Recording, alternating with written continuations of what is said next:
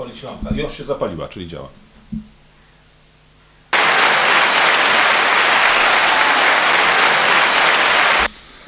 Dziękujemy za oklaski. E, dziękujemy. No, jesteśmy naprawdę, Naprawdę, to było nieoczekiwane. Pro, proszę, proszę.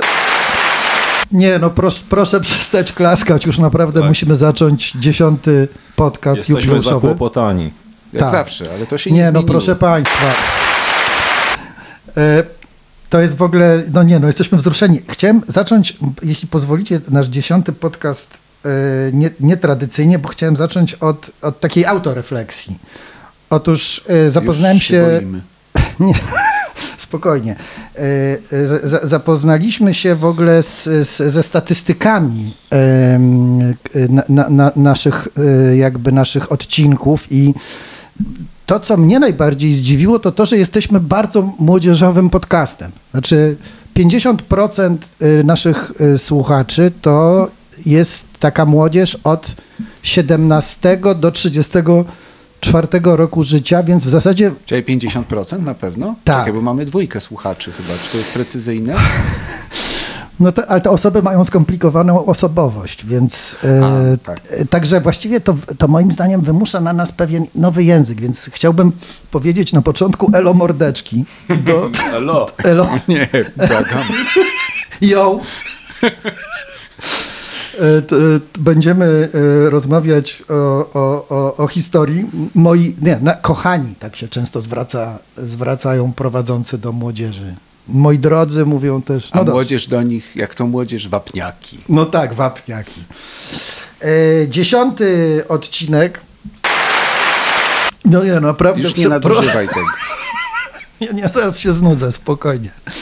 E, Jak słyszycie, no po prostu, y, no to, to, to są dźwięki sukcesu. Technika pojawiła się w naszej, y, w naszej tutaj, w, stu, w, po- To jak w sali zagierka F. po To- prostu. to Pojawia jest- się technika, od razu jest sukces i rośnie optymizm. Optymizm. Sali Terkoczą małe. Fiaty, prawda? Tak. Lodówki, pola. Coca-Cola. Coca-Cola też Tak. terkocze. W samochodach dostawczych robór. Tak. E, Co, co, słuchajcie, zanim. e, Nie, właściwie już zaczęliśmy.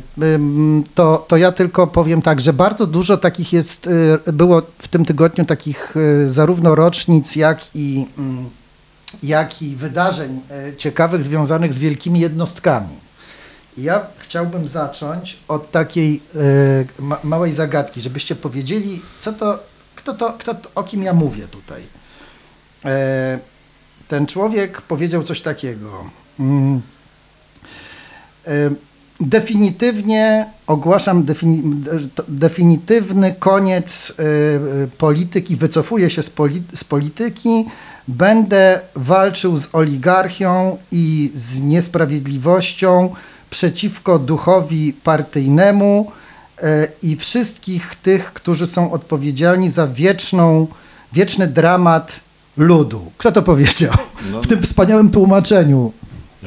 Ale to było tłumaczenie symultaniczne, trzeba Tak. podkreślić. No myślę, że premier Morawiecki teraz w ekspoze. Ale książka jest zbyt pożółkła. To jakiś jego po poprzednik musiał powiedzieć.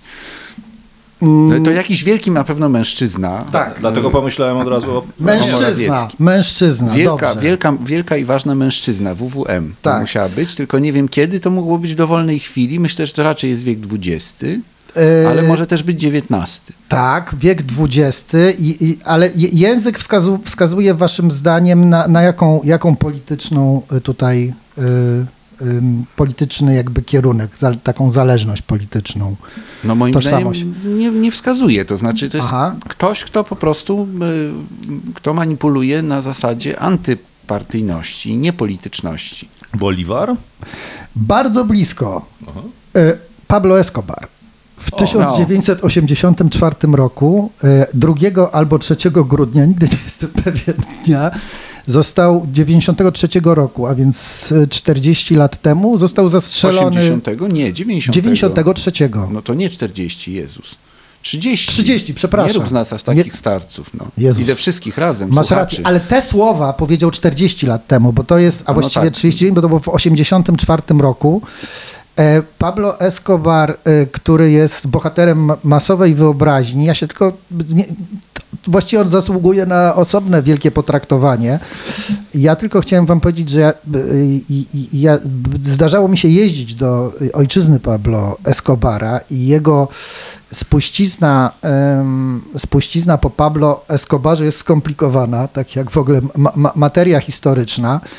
Jak e, dwa lata temu, czy trzy lata temu, a może to były cztery lata temu, kiedy Netflix e, wypuścił serial Narcos i, i, i jakby Pablo Escobar powrócił znowu do świata wyobraźni, to moi rozmaici kolumbijscy znajomi w ogóle nawet nie zniżyli się do tego, żeby ten serial oglądać. Znaczy, o Pablo Escobarze w Kolumbii się mówi e, albo ze wstydem, albo nie mówi się wcale, a to, na co Błażej zwrócił uwagę, czyli taka jakby ponadpartyjność Pablo Escobara, to bardzo jest ciekawy wątek, bo Pablo Escobar e, w pewnym momencie, jak poczuł się bardzo silny, wszedł do polityki, znaczy popełnił, można powiedzieć, po, po- poniosła go e, z- znana z historii e, namiętność zwana hybris. Poczuł się tak mocny, że zaczął marzyć o naprawdę wysokich stołkach. No i został, krótko mówiąc, jakby obcięty w tym, minister sprawiedliwości doprowadził do tego, że Pablo Escobarowi zabrano immunitet poselski. No i rozpoczęła się wojna, wojna domowa, którą, y, któ- której brutalność, o której brutalności słyszeliśmy wiele.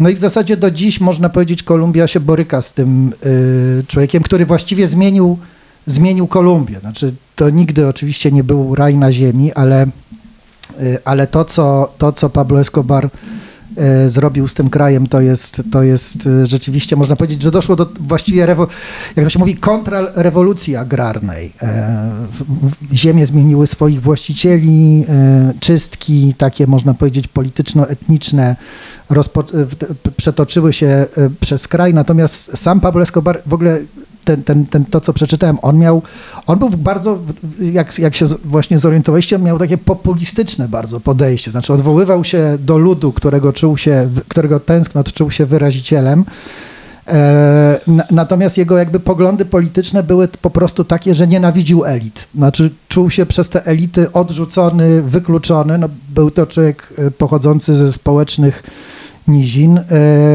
i dał, jakby potraktował procesy przeciwko sobie nie jako, że tak powiem, operacje, które prowadzi sprawiedliwość, tylko jako e, działania elit wymierzone w człowieka, który się bardzo stara. Więc to jest, y, tym was chciałem tutaj jakby uraczyć na No, mówimy początek. o królu kokainy, mówimy Popijając o człowieku, kawę, popijając który kawę. e, był e, no, potężnym bosem narkotykowym, potężnym, prawda? Jednym z największych w historii i człowiekiem, który stworzył państwo w państwie. Bo tego typu struktury, no to są państwa, one mają własny handel, własną politykę zagraniczną, własną wewnętrzną, własne siły zbrojne, e, mają ludzi zależnych, mają e, wokół siebie społeczeństwo, to znaczy y, społeczeństwo złożone z po prostu zwyczajnych mieszkańców kraju, którzy muszą uczestniczyć w, w tej gospodarce, no bo w zasadzie innej szansy nie mają. Nie chodzi tu tylko o różne skłonności takie czy inne, ale chodzi po prostu o stworzenie pewnego rodzaju gospodarki. No i trudno się dziwić, że ktoś, kto ją tworzy, ma duże ambicje, także polityczne. To słuchajcie, y, powiem y, o czymś, co nie jest zgodne z naszym scenariuszem, ale skoro już rozmawiamy o takich państwach e, w państwach, to y, ja z ko- z kolei się podzielę z Wami wrażeniami z y, no, lektur dwóch książek na temat koncernu Baty. Będę wymawiał go po polsku, bo tak, tak To się chyba mówi bacia. bo to się mówi tak naprawdę bacia e, i jak, jak e, e, na pewno wiecie, to, e, to był czechosłowacki koncern obuwniczy, który powstał jeszcze, którego zalążki powstały jeszcze przed I wojną światową, a później e, dokonał niesamowitej ekspansji e, w dwudziestoleciu międzywojennym. Istnieje e, do dzisiaj e, za sprawą sw- swoich dwóch takich e, no, bardzo wybitnych właścicieli i, i menedżerów, Tomasza Baci i jego przyrodniego brata e, Jana Antonina Baci.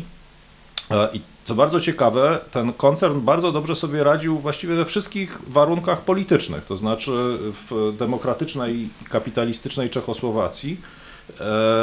Równie dobrze jak w okresie niemieckiej okupacji, kiedy mm, Bacia i jego spółki zależne, ponieważ on stworzył właściwie taką sieć oplatającą cały świat, w tym również Europę Środkową, miał swoje oddziały między innymi już przed wojną w Polsce, Hełmek, e, to są zakłady e, Bati, e, w Niemczech to, był, to były zakłady w Otmut, czyli dzisiejszym Otmencie. No i się okazuje, że ci menedżerowie Bati, chociaż byli Czechami, oczywiście zatrudniali też Niemców, Francuzów, Anglików, właściwie wszystkie możliwe narodowości, bardzo sprawnie też dogadywali się z władzami III Rzeszy w czasie okupacji, wbrew początkowym obawom, nie tylko produkcja tych zakładów nie została ograniczona. E, Czesi się obawiali, że, że e, nazistowskie Niemcy po prostu zniszczą ich e, fabryki, dlatego no, że. Buty przejmą. ważna rzecz jednak. No. no ale okazało się, że w mm, tam nie wiem, chyba 1943 roku fabryka, fabryki czeskie znajdujące się, znajdujące się na terenie protektoratu Czech i Moraw osiągnęły swój największy rozwój, e, dlatego że e, no właściwie ci menedżerowie byli w stanie dopasować się w sposób niezwykle elastyczny do nowych realiów politycznych, do tego stopnia, że a. E, po pierwsze, oczywiście produkowali buty dla Wehrmachtu i koncern wytwarzał różne inne elementy, również zbrojeniowe dla gospodarki III Rzeszy. B. Bacia zatrudniał, koncern Baci zatrudniał robotników przymusowych. C zatrudniał e, Żydów e, czy żydowskich robotników, to już, to już można mówić o pracy niewolniczej, z gett, a nawet z obozu Auschwitz, e, z Auschwitz. Chełmek znajduje się właściwie parę kilometrów od, od Auschwitz.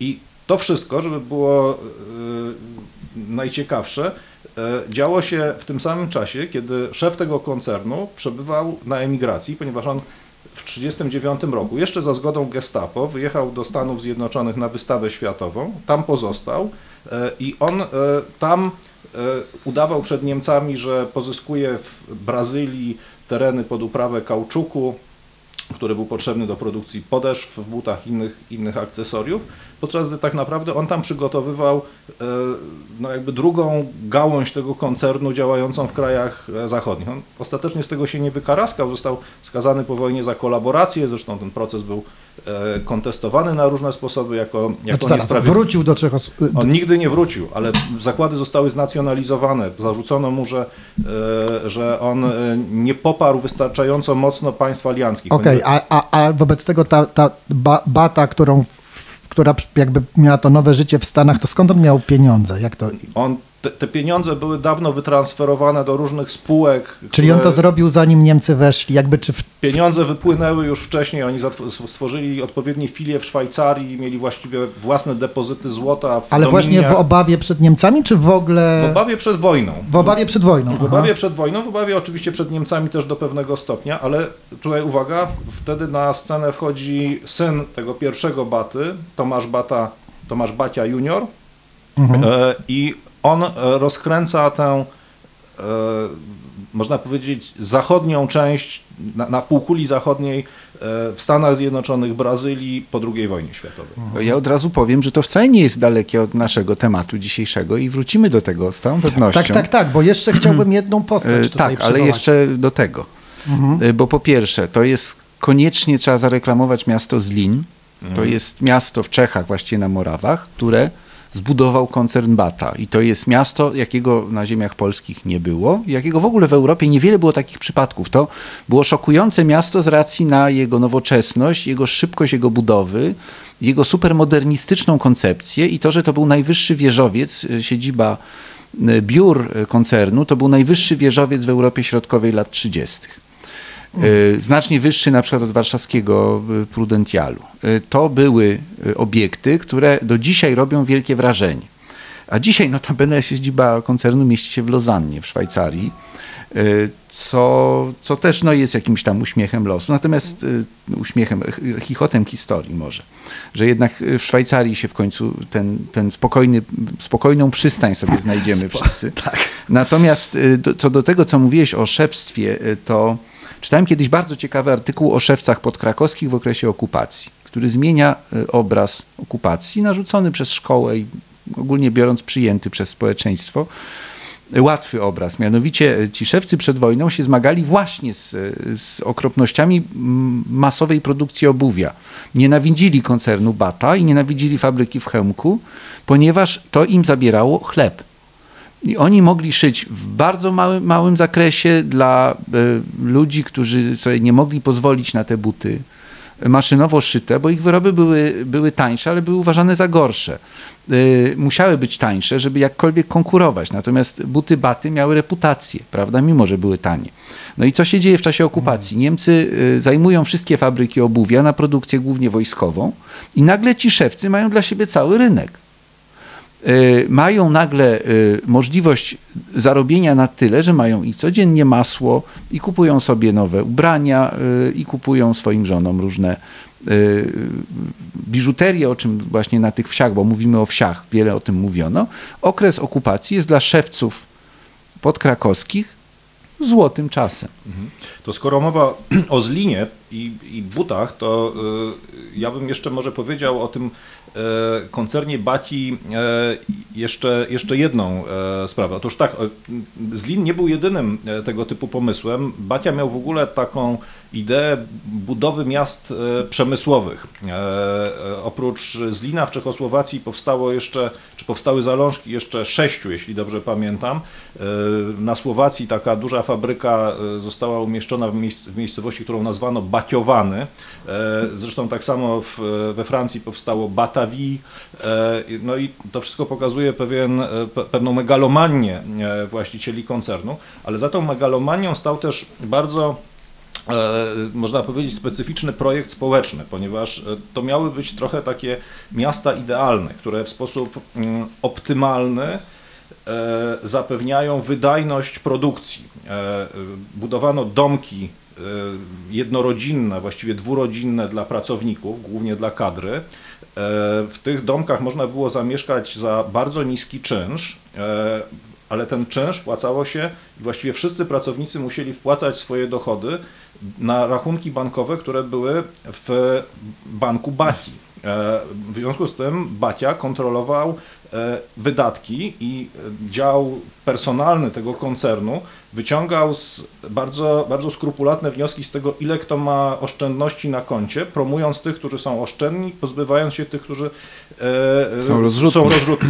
Kontrolowano... No to super nowoczesne, to jest korporacyjne. To, to, było mega korporacyjne. W tym e, wieżowcu, o którym wspomniałeś, e, było takie specjalne urządzenie, winda, która e, przemieszczała się winda gabinet dyrektora, która przemieszczała się pomiędzy e, piętrami i e, można było z niej zaglądać, co robią poszczególni... Czyli taki panoptikon trochę jak ten, ten, słynny, Ko że tak powiem... Korporacyjny tak. panoptikon, jak, tak. jak, jak Ubentama, opisany, tak, tak mhm. i później przez Foucault opisywany, przy czym e, trzeba dodać, że ten Bacia nigdy z tego nie skorzystał, ponieważ to, to urządzenie ukończono w momencie, kiedy on już wyjeżdżał do, do, do Stanów. Stanów Zjednoczonych. I Sponsorem jeszcze... dzisiejszego odcinka jest firma BAT lata.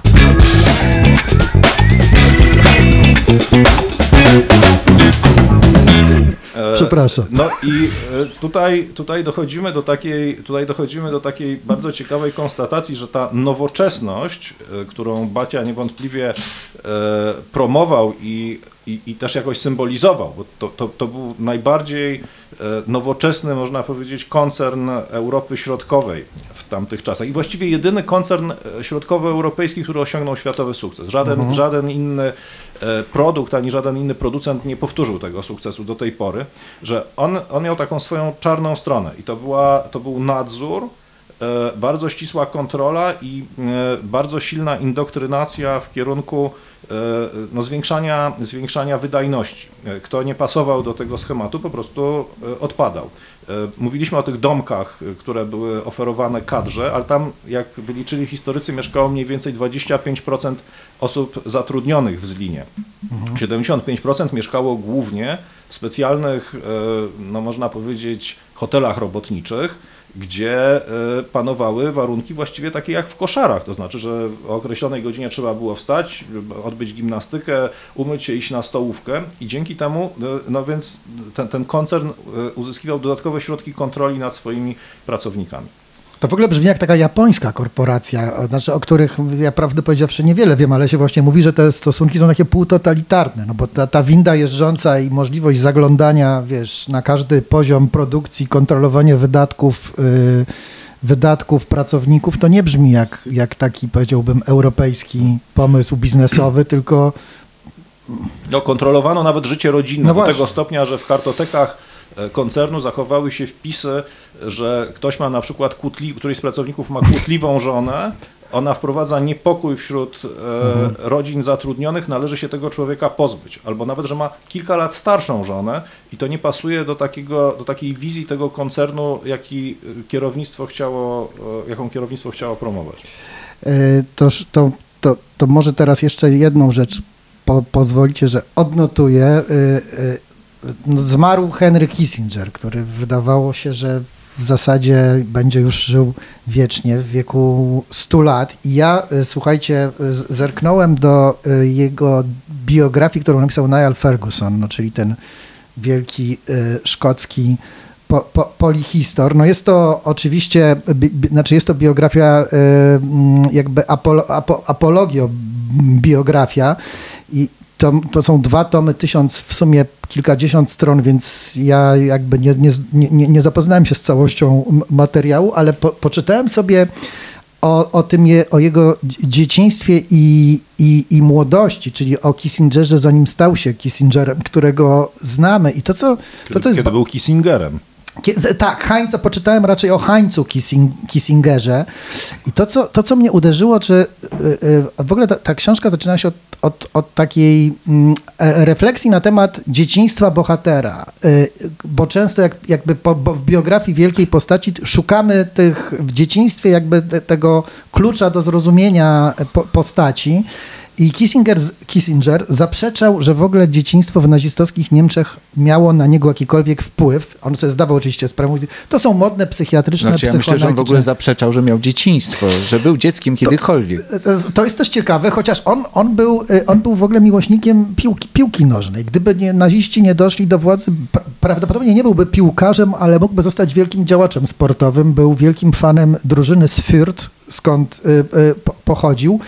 Natomiast w- wydaje się, że jakby y, taki najciekawszy i chyba taki form, formatywny czy formujący okres jego życia to jest jak on pracował e, w, e, w, e, jak to się nazywa, w Counterintelligence Corps w, w, w okupowanych Niemczech i, i to, to, to, to wtedy miał jakby takie doświadczenie, że w życiu bywa różnie, no bo musiał się z tymi, że tak powiem, e, no, no jakby pracując równolegle, jakby dwa procesy się toczyły, jak wiadomo, proces denazyfikacji i proces jakby e, już zimnowojenny walczenia z wpływami Rosji radzieckiej. I on jakby, jakby miał wtedy taką szkołę tego, no, że, że, że po prostu wa- ważna jest ta równowaga jakby rozmaitych wątków przy analizie. I powiem wam tylko jedną rzecz, która mnie jakoś y, y, tutaj urzekła. Otóż y, on wy, wylądował w 1949 roku w szkole wywiadu w miejscowości Ober, chyba tak się to nazywa, która słynie z widowisk pasyjnych od XVII wieku. Szkoła wywiadu?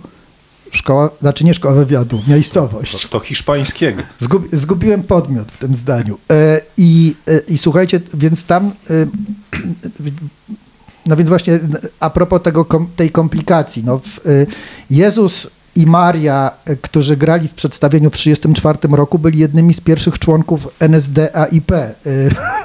I później Jezus, człowiek, który grał Jezusa w 1950 i 60 roku w tych w, w, widowiskach, Anton Preisinger, brał udział w Krystalnach. Więc to są takie, e, to są takie opowieści o tym, że historia jest skomplikowana, mówiąc e, krótko.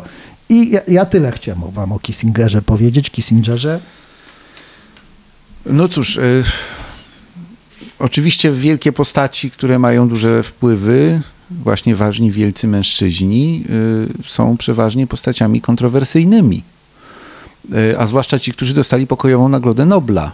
Y, to jest ta y, część Nagrody Nobla, która budzi chyba najwięcej różnych sporów, prawda? Bo daje się ją jak gdyby w trakcie historii, nie znając przyszłości, osobom, które są wciąż aktywne i które robią później, jeszcze dostawszy ją rozmaite rzeczy. Obama ją dostał zanim w ogóle coś zrobił. To no, Obama ją dostał zanim ją zrobił, Lech Wałęsa ją dostał po tym, jak coś zrobił, ale zanim był prezydentem i y, z całym dobrodziejstwem inwentarza jego prezydentury, chociaż to nie jest podobny przypadek, ponieważ gdy ktoś ma takie możliwości, jakie miał Kissinger, to znaczy no, współsteruje y, działaniami mocarstwa, które jest zaangażowane wszędzie i które prowadzi naraz mnóstwo polityk, y, bo właśnie to jest takie modne słowo, mówi się ostatnio w polszczyźnie polityki.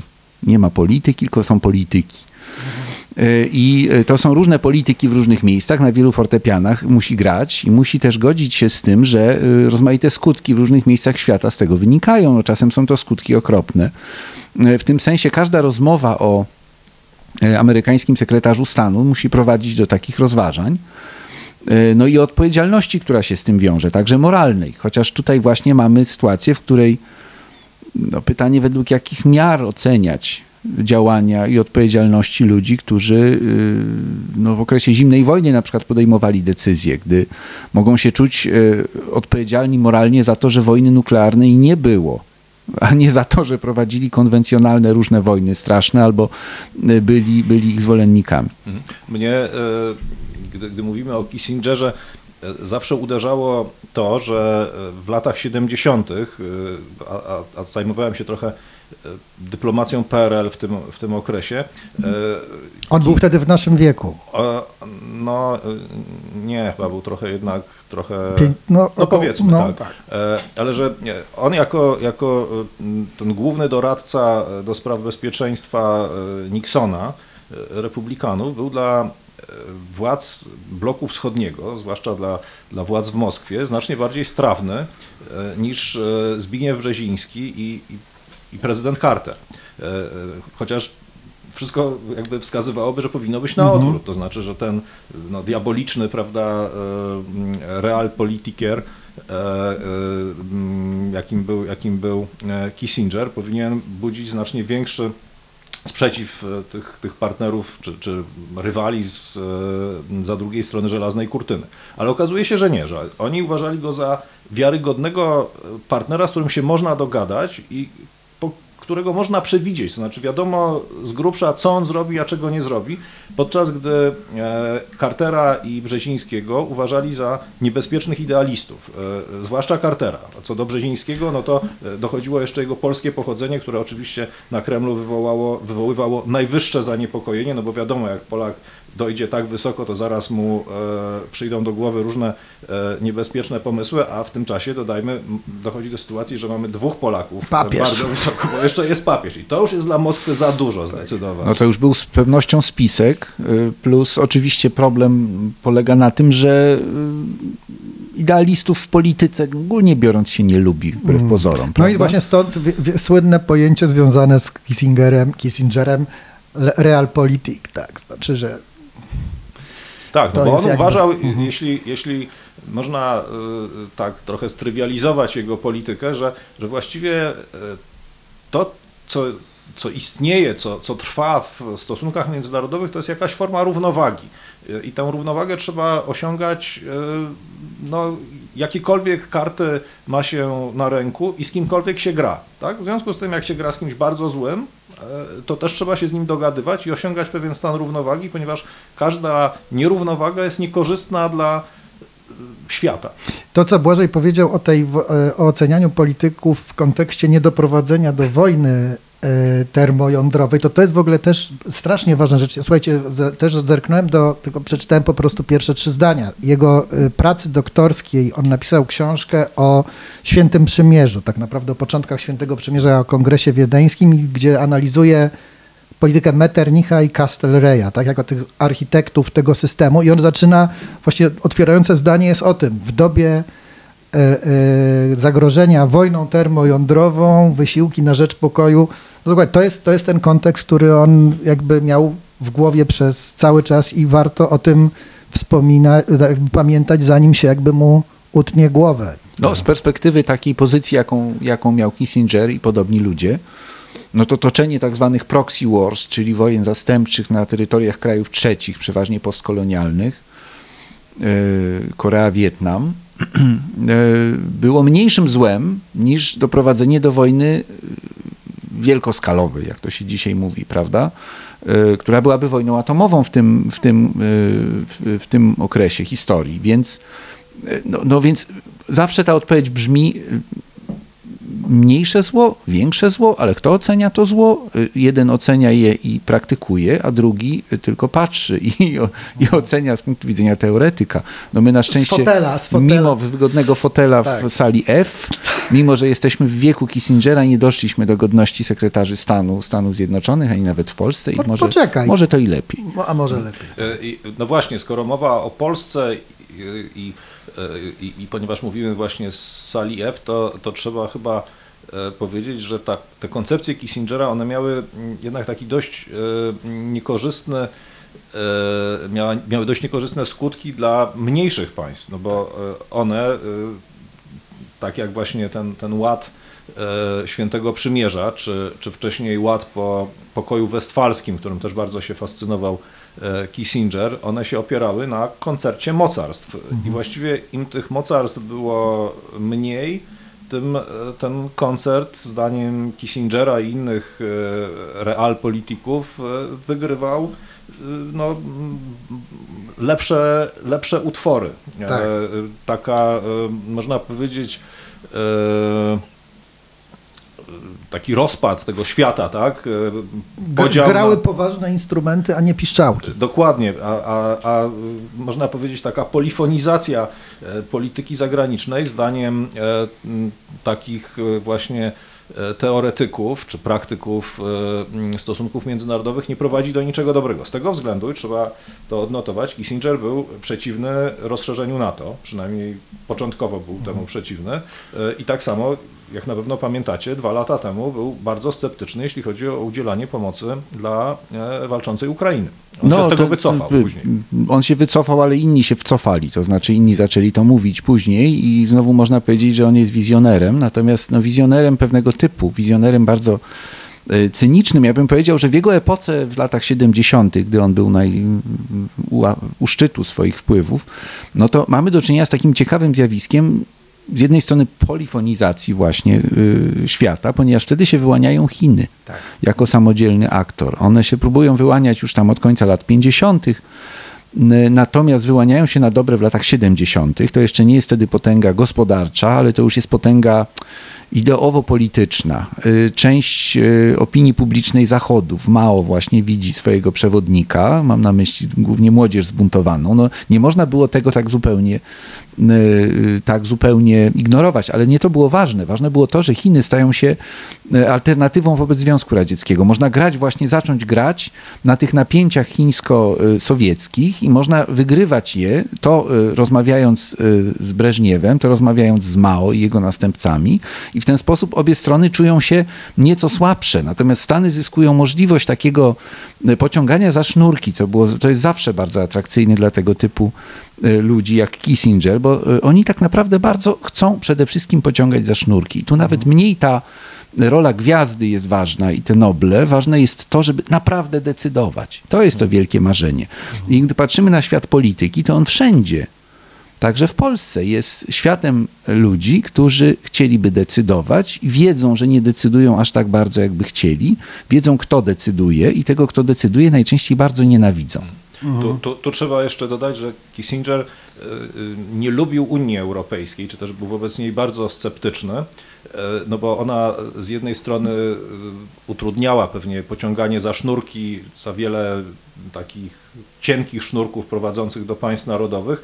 Z drugiej strony jego taka standardowa wypowiedź na temat Unii brzmiała What's the number? E, czyli e, na jaki numer mam zadzwonić, żeby z kimś porozmawiać mhm. o polityce tego tworu, tak? E, ponieważ on był właśnie człowiekiem nawykłym do, to jest też bardzo typowe dla drugiej połowy XX wieku, do dyplomacji bezpośredniej, takiej właściwie no, takich męskich rozmów czy męskich spotkań, gdzie się załatwia najważniejsze deale w cztery oczy, trochę jak Frank Underwood w znanym serialu. Mhm. E, słuchajcie, no to chyba po, po, po, po tym e, wstępie czas na temat od... Zacznijmy. Czas na temat odcinka. Wracamy e, do Europy, tak, Piotrku? No tak, ponieważ 30... W ten sposób zwracam się do profesora Majewskiego. Tak, jest mi bardzo miło, że się tak do mnie zwracasz. 30 listopada minęła rocznica radzieckiej agresji na Finlandię, o której chcieliśmy przypomnieć. Ta wojna jest oczywiście dość znana, przeszła do historii dlatego że bardzo potężny, wówczas agresywny Związek Radziecki nie zdołał złamać niewielkiej Finlandii, dysponującej no, dość przestarzałą i, i, niezbyt liczną armią, za to bardzo dzielnie broniącą swojego e, terytorium, ale ta wojna jest ciekawa z wielu, z wielu różnych względów, chociażby dlatego, że Zupełnie nie pamięta się, czy bardzo mało się pamięta, że e, lotnictwo radzieckie przeprowadziło e, taki terrorystyczny dywanowy nalot na Helsinki, czym chciało zastraszyć Finów i ten fakt gdzieś w ogóle popadł w zapomnienie, podczas gdy wszyscy pamiętają oczywiście o niemieckich bombardowaniach mniej więcej z tego czasu Warszawa, Rotterdam, wcześniej Guerenica.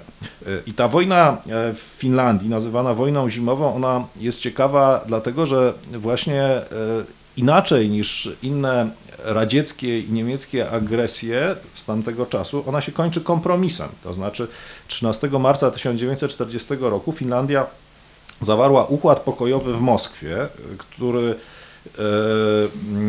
określał, czy który, który spowodował poważne, poważne straty terytorialne. Finlandia straciła około 10% swojego terytorium, w tym cały właściwie przesmyk karelski z wybudowanymi tam fortyfikacjami, straciła taki strategiczny półwysep e, na północy, bo trzeba przypomnieć, że e, do II wojny światowej Finlandia graniczyła, czy dochodziła swoją, swoim terytorium do Morza Barenca, więc rozdzielała Związek Radziecki i, i Norwegię.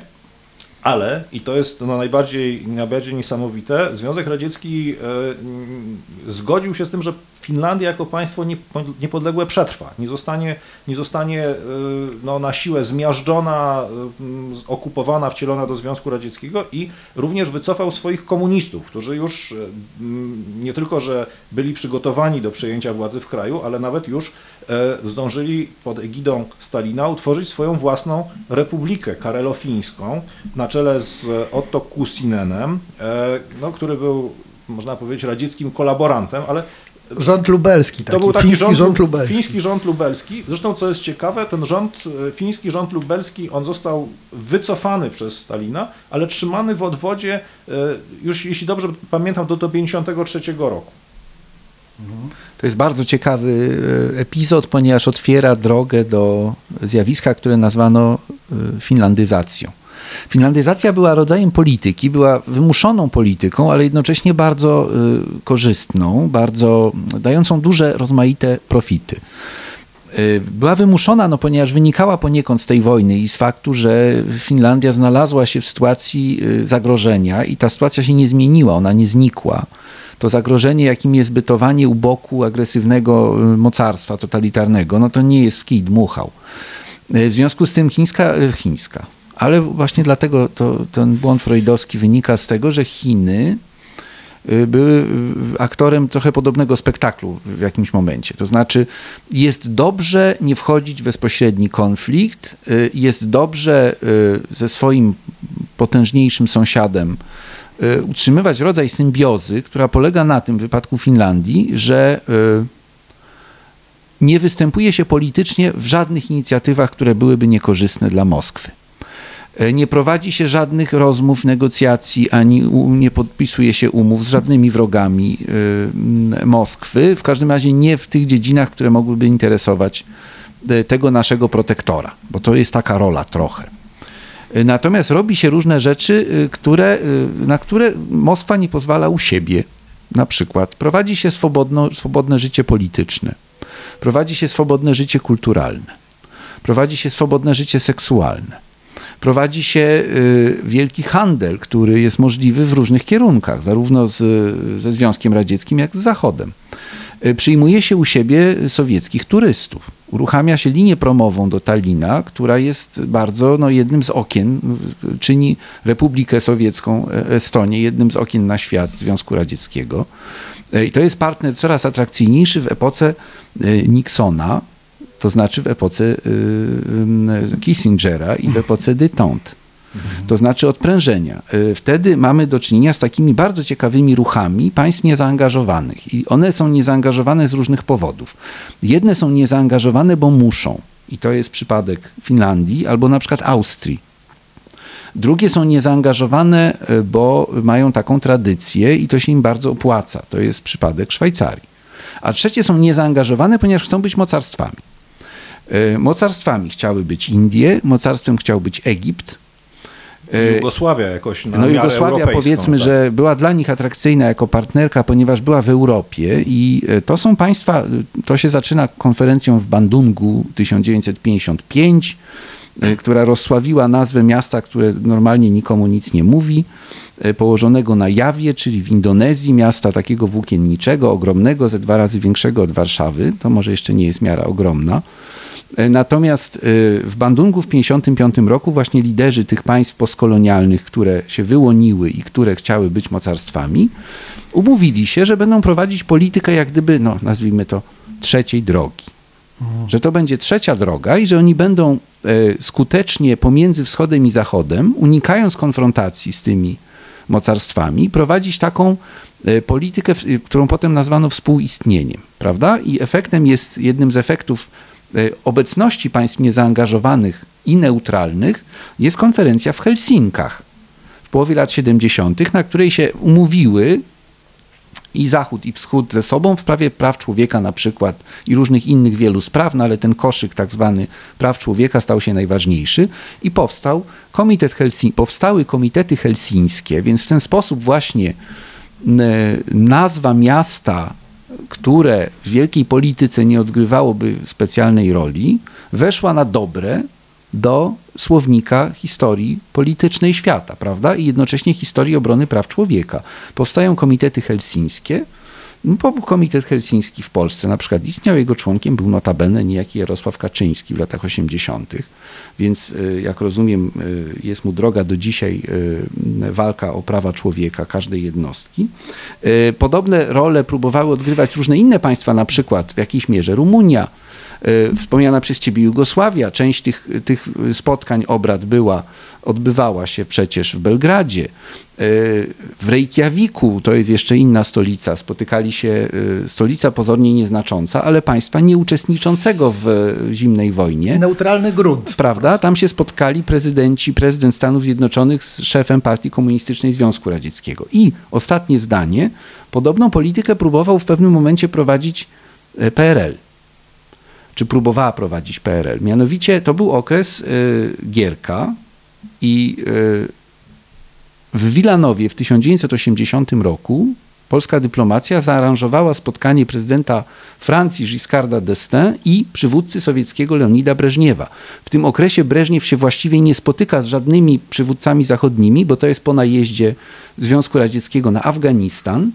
I e, istnieje bojkot Związku Radzieckiego, trochę podobny do bojkotu Rosji dzisiaj. Między innymi e, Igrzyska Olimpijskie w Moskwie w 80 zostają zbojkotowane, potem się, e, potem się Moskwa rewanżuje i państwa komunistyczne, z wyjątkiem Rumunii właśnie, bojkotują z kolei Igrzyska w 84 roku w Los Angeles, no ale mniejsza z tym, więc Gierek próbuje już na progu upadku swojego prowadzić trochę taką politykę finlandyzacji to hasło zresztą było bardzo istotne w różnych rozważaniach polskiej opozycji ówczesnej korowskiej. Jeżeli ja się nie mylę, to Jacek Kuroń tak. zwłaszcza chodził około 77 roku e, po Warszawie i nie tylko, powtarzając, że Polska powinna e, podjąć no, wyzwanie finlandyzacji, to znaczy zgodzić się na sowiecką kuratelę, a jednocześnie wywalczyć sobie jakieś tam wolności polityczne i gospodarcze zwłaszcza, co zresztą robiły od paru lat skutecznie Węgry. I tutaj powiedziałbym, że polityka Kadara, który wiedział, że należy lawirować między i próbować, on mógł On mógł, no bo Węgry spłynęły krwią. Związek Radziecki musiał po inwazji na Węgry coś nowemu kierownictwu Węgier obiecać, coś mu dać. No i y, Kadar, który był człowiekiem naznaczonym no, rolą zdrajcy, jak gdyby, prawda? No on zbudował sobie potężną pozycję na Węgrzech, ponieważ wywalczył dla tego kraju rodzaj takiej pół, półniezależności, w każdym razie gospodarczej. Y, Polska tego nie, nie potrafiła zrobić, no a dzisiaj Orban poniekąd, y, żeby ponuro spuentować, y, mówiliśmy o Kissingerze, mówiliśmy o geopolityce i wielkich, ważnych mężczyznach. No więc Orban to jest kolejna wielka, ważna mężczyzna, która próbuje budować pozycję swojego małego kraju, mało wpływowego kraju, w ten sposób, że balansuje pomiędzy.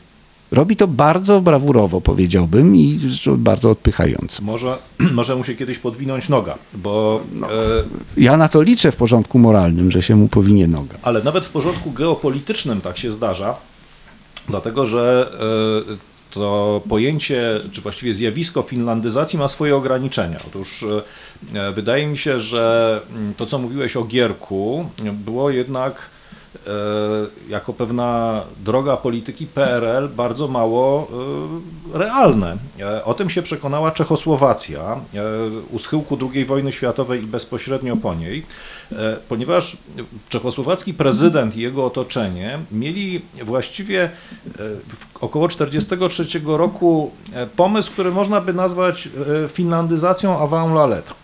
Benesz e, w 1943 roku, w, grudniu... Po czesku to było? To?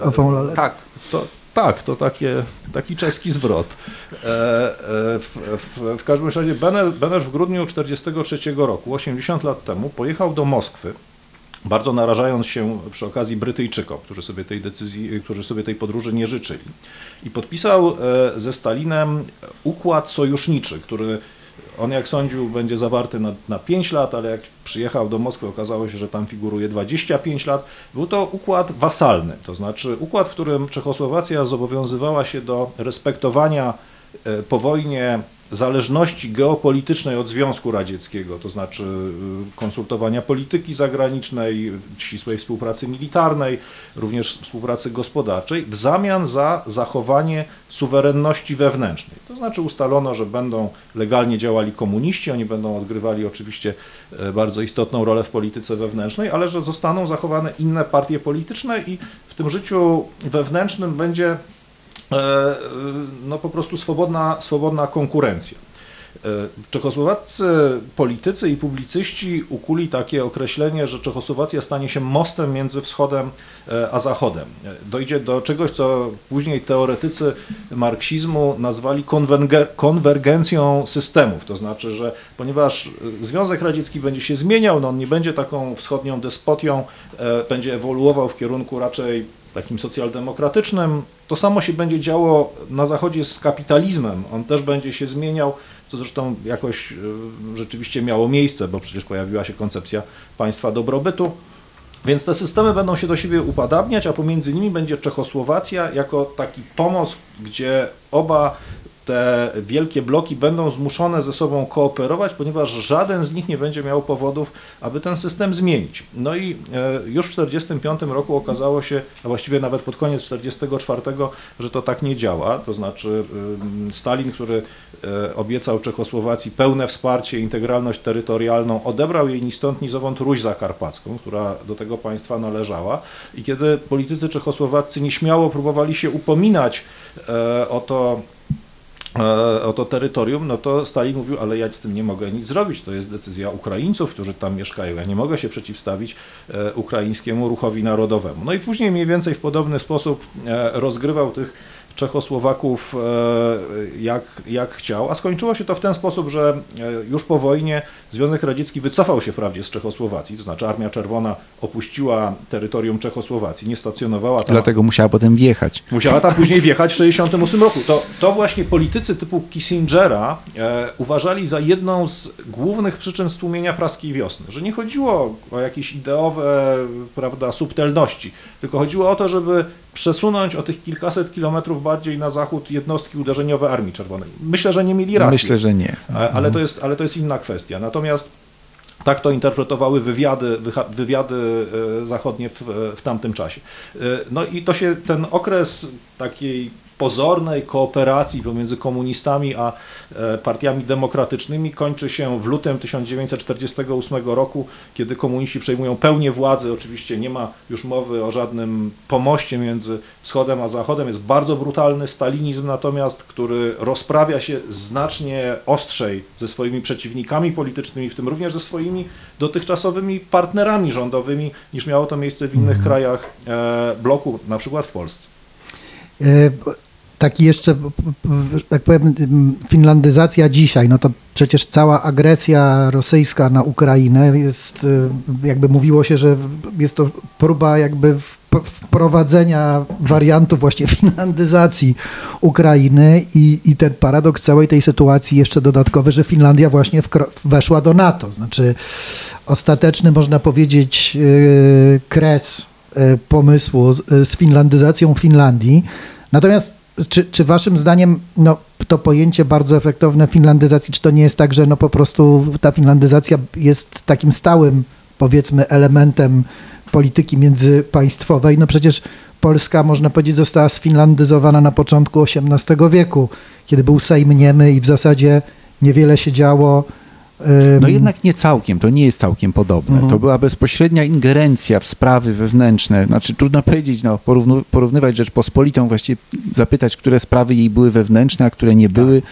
biorąc pod uwagę jej elitę e, władzy, która była powiązana różnymi związkami rodzinnymi, e, własnościowymi i tak dalej, z innymi dworami, prawda? Więc trudno to porównać. Natomiast to jednak była bezpośrednia e, ingerencja w Finlandii fin Finowie się dogadali, umówili się jak gdyby sami. Był to taki rodzaj cichej umowy. To jest wielka różnica. Ukraińcy też nie, nie dano im szansy, żeby się umówili, więc to też nie jest podobne moim zdaniem.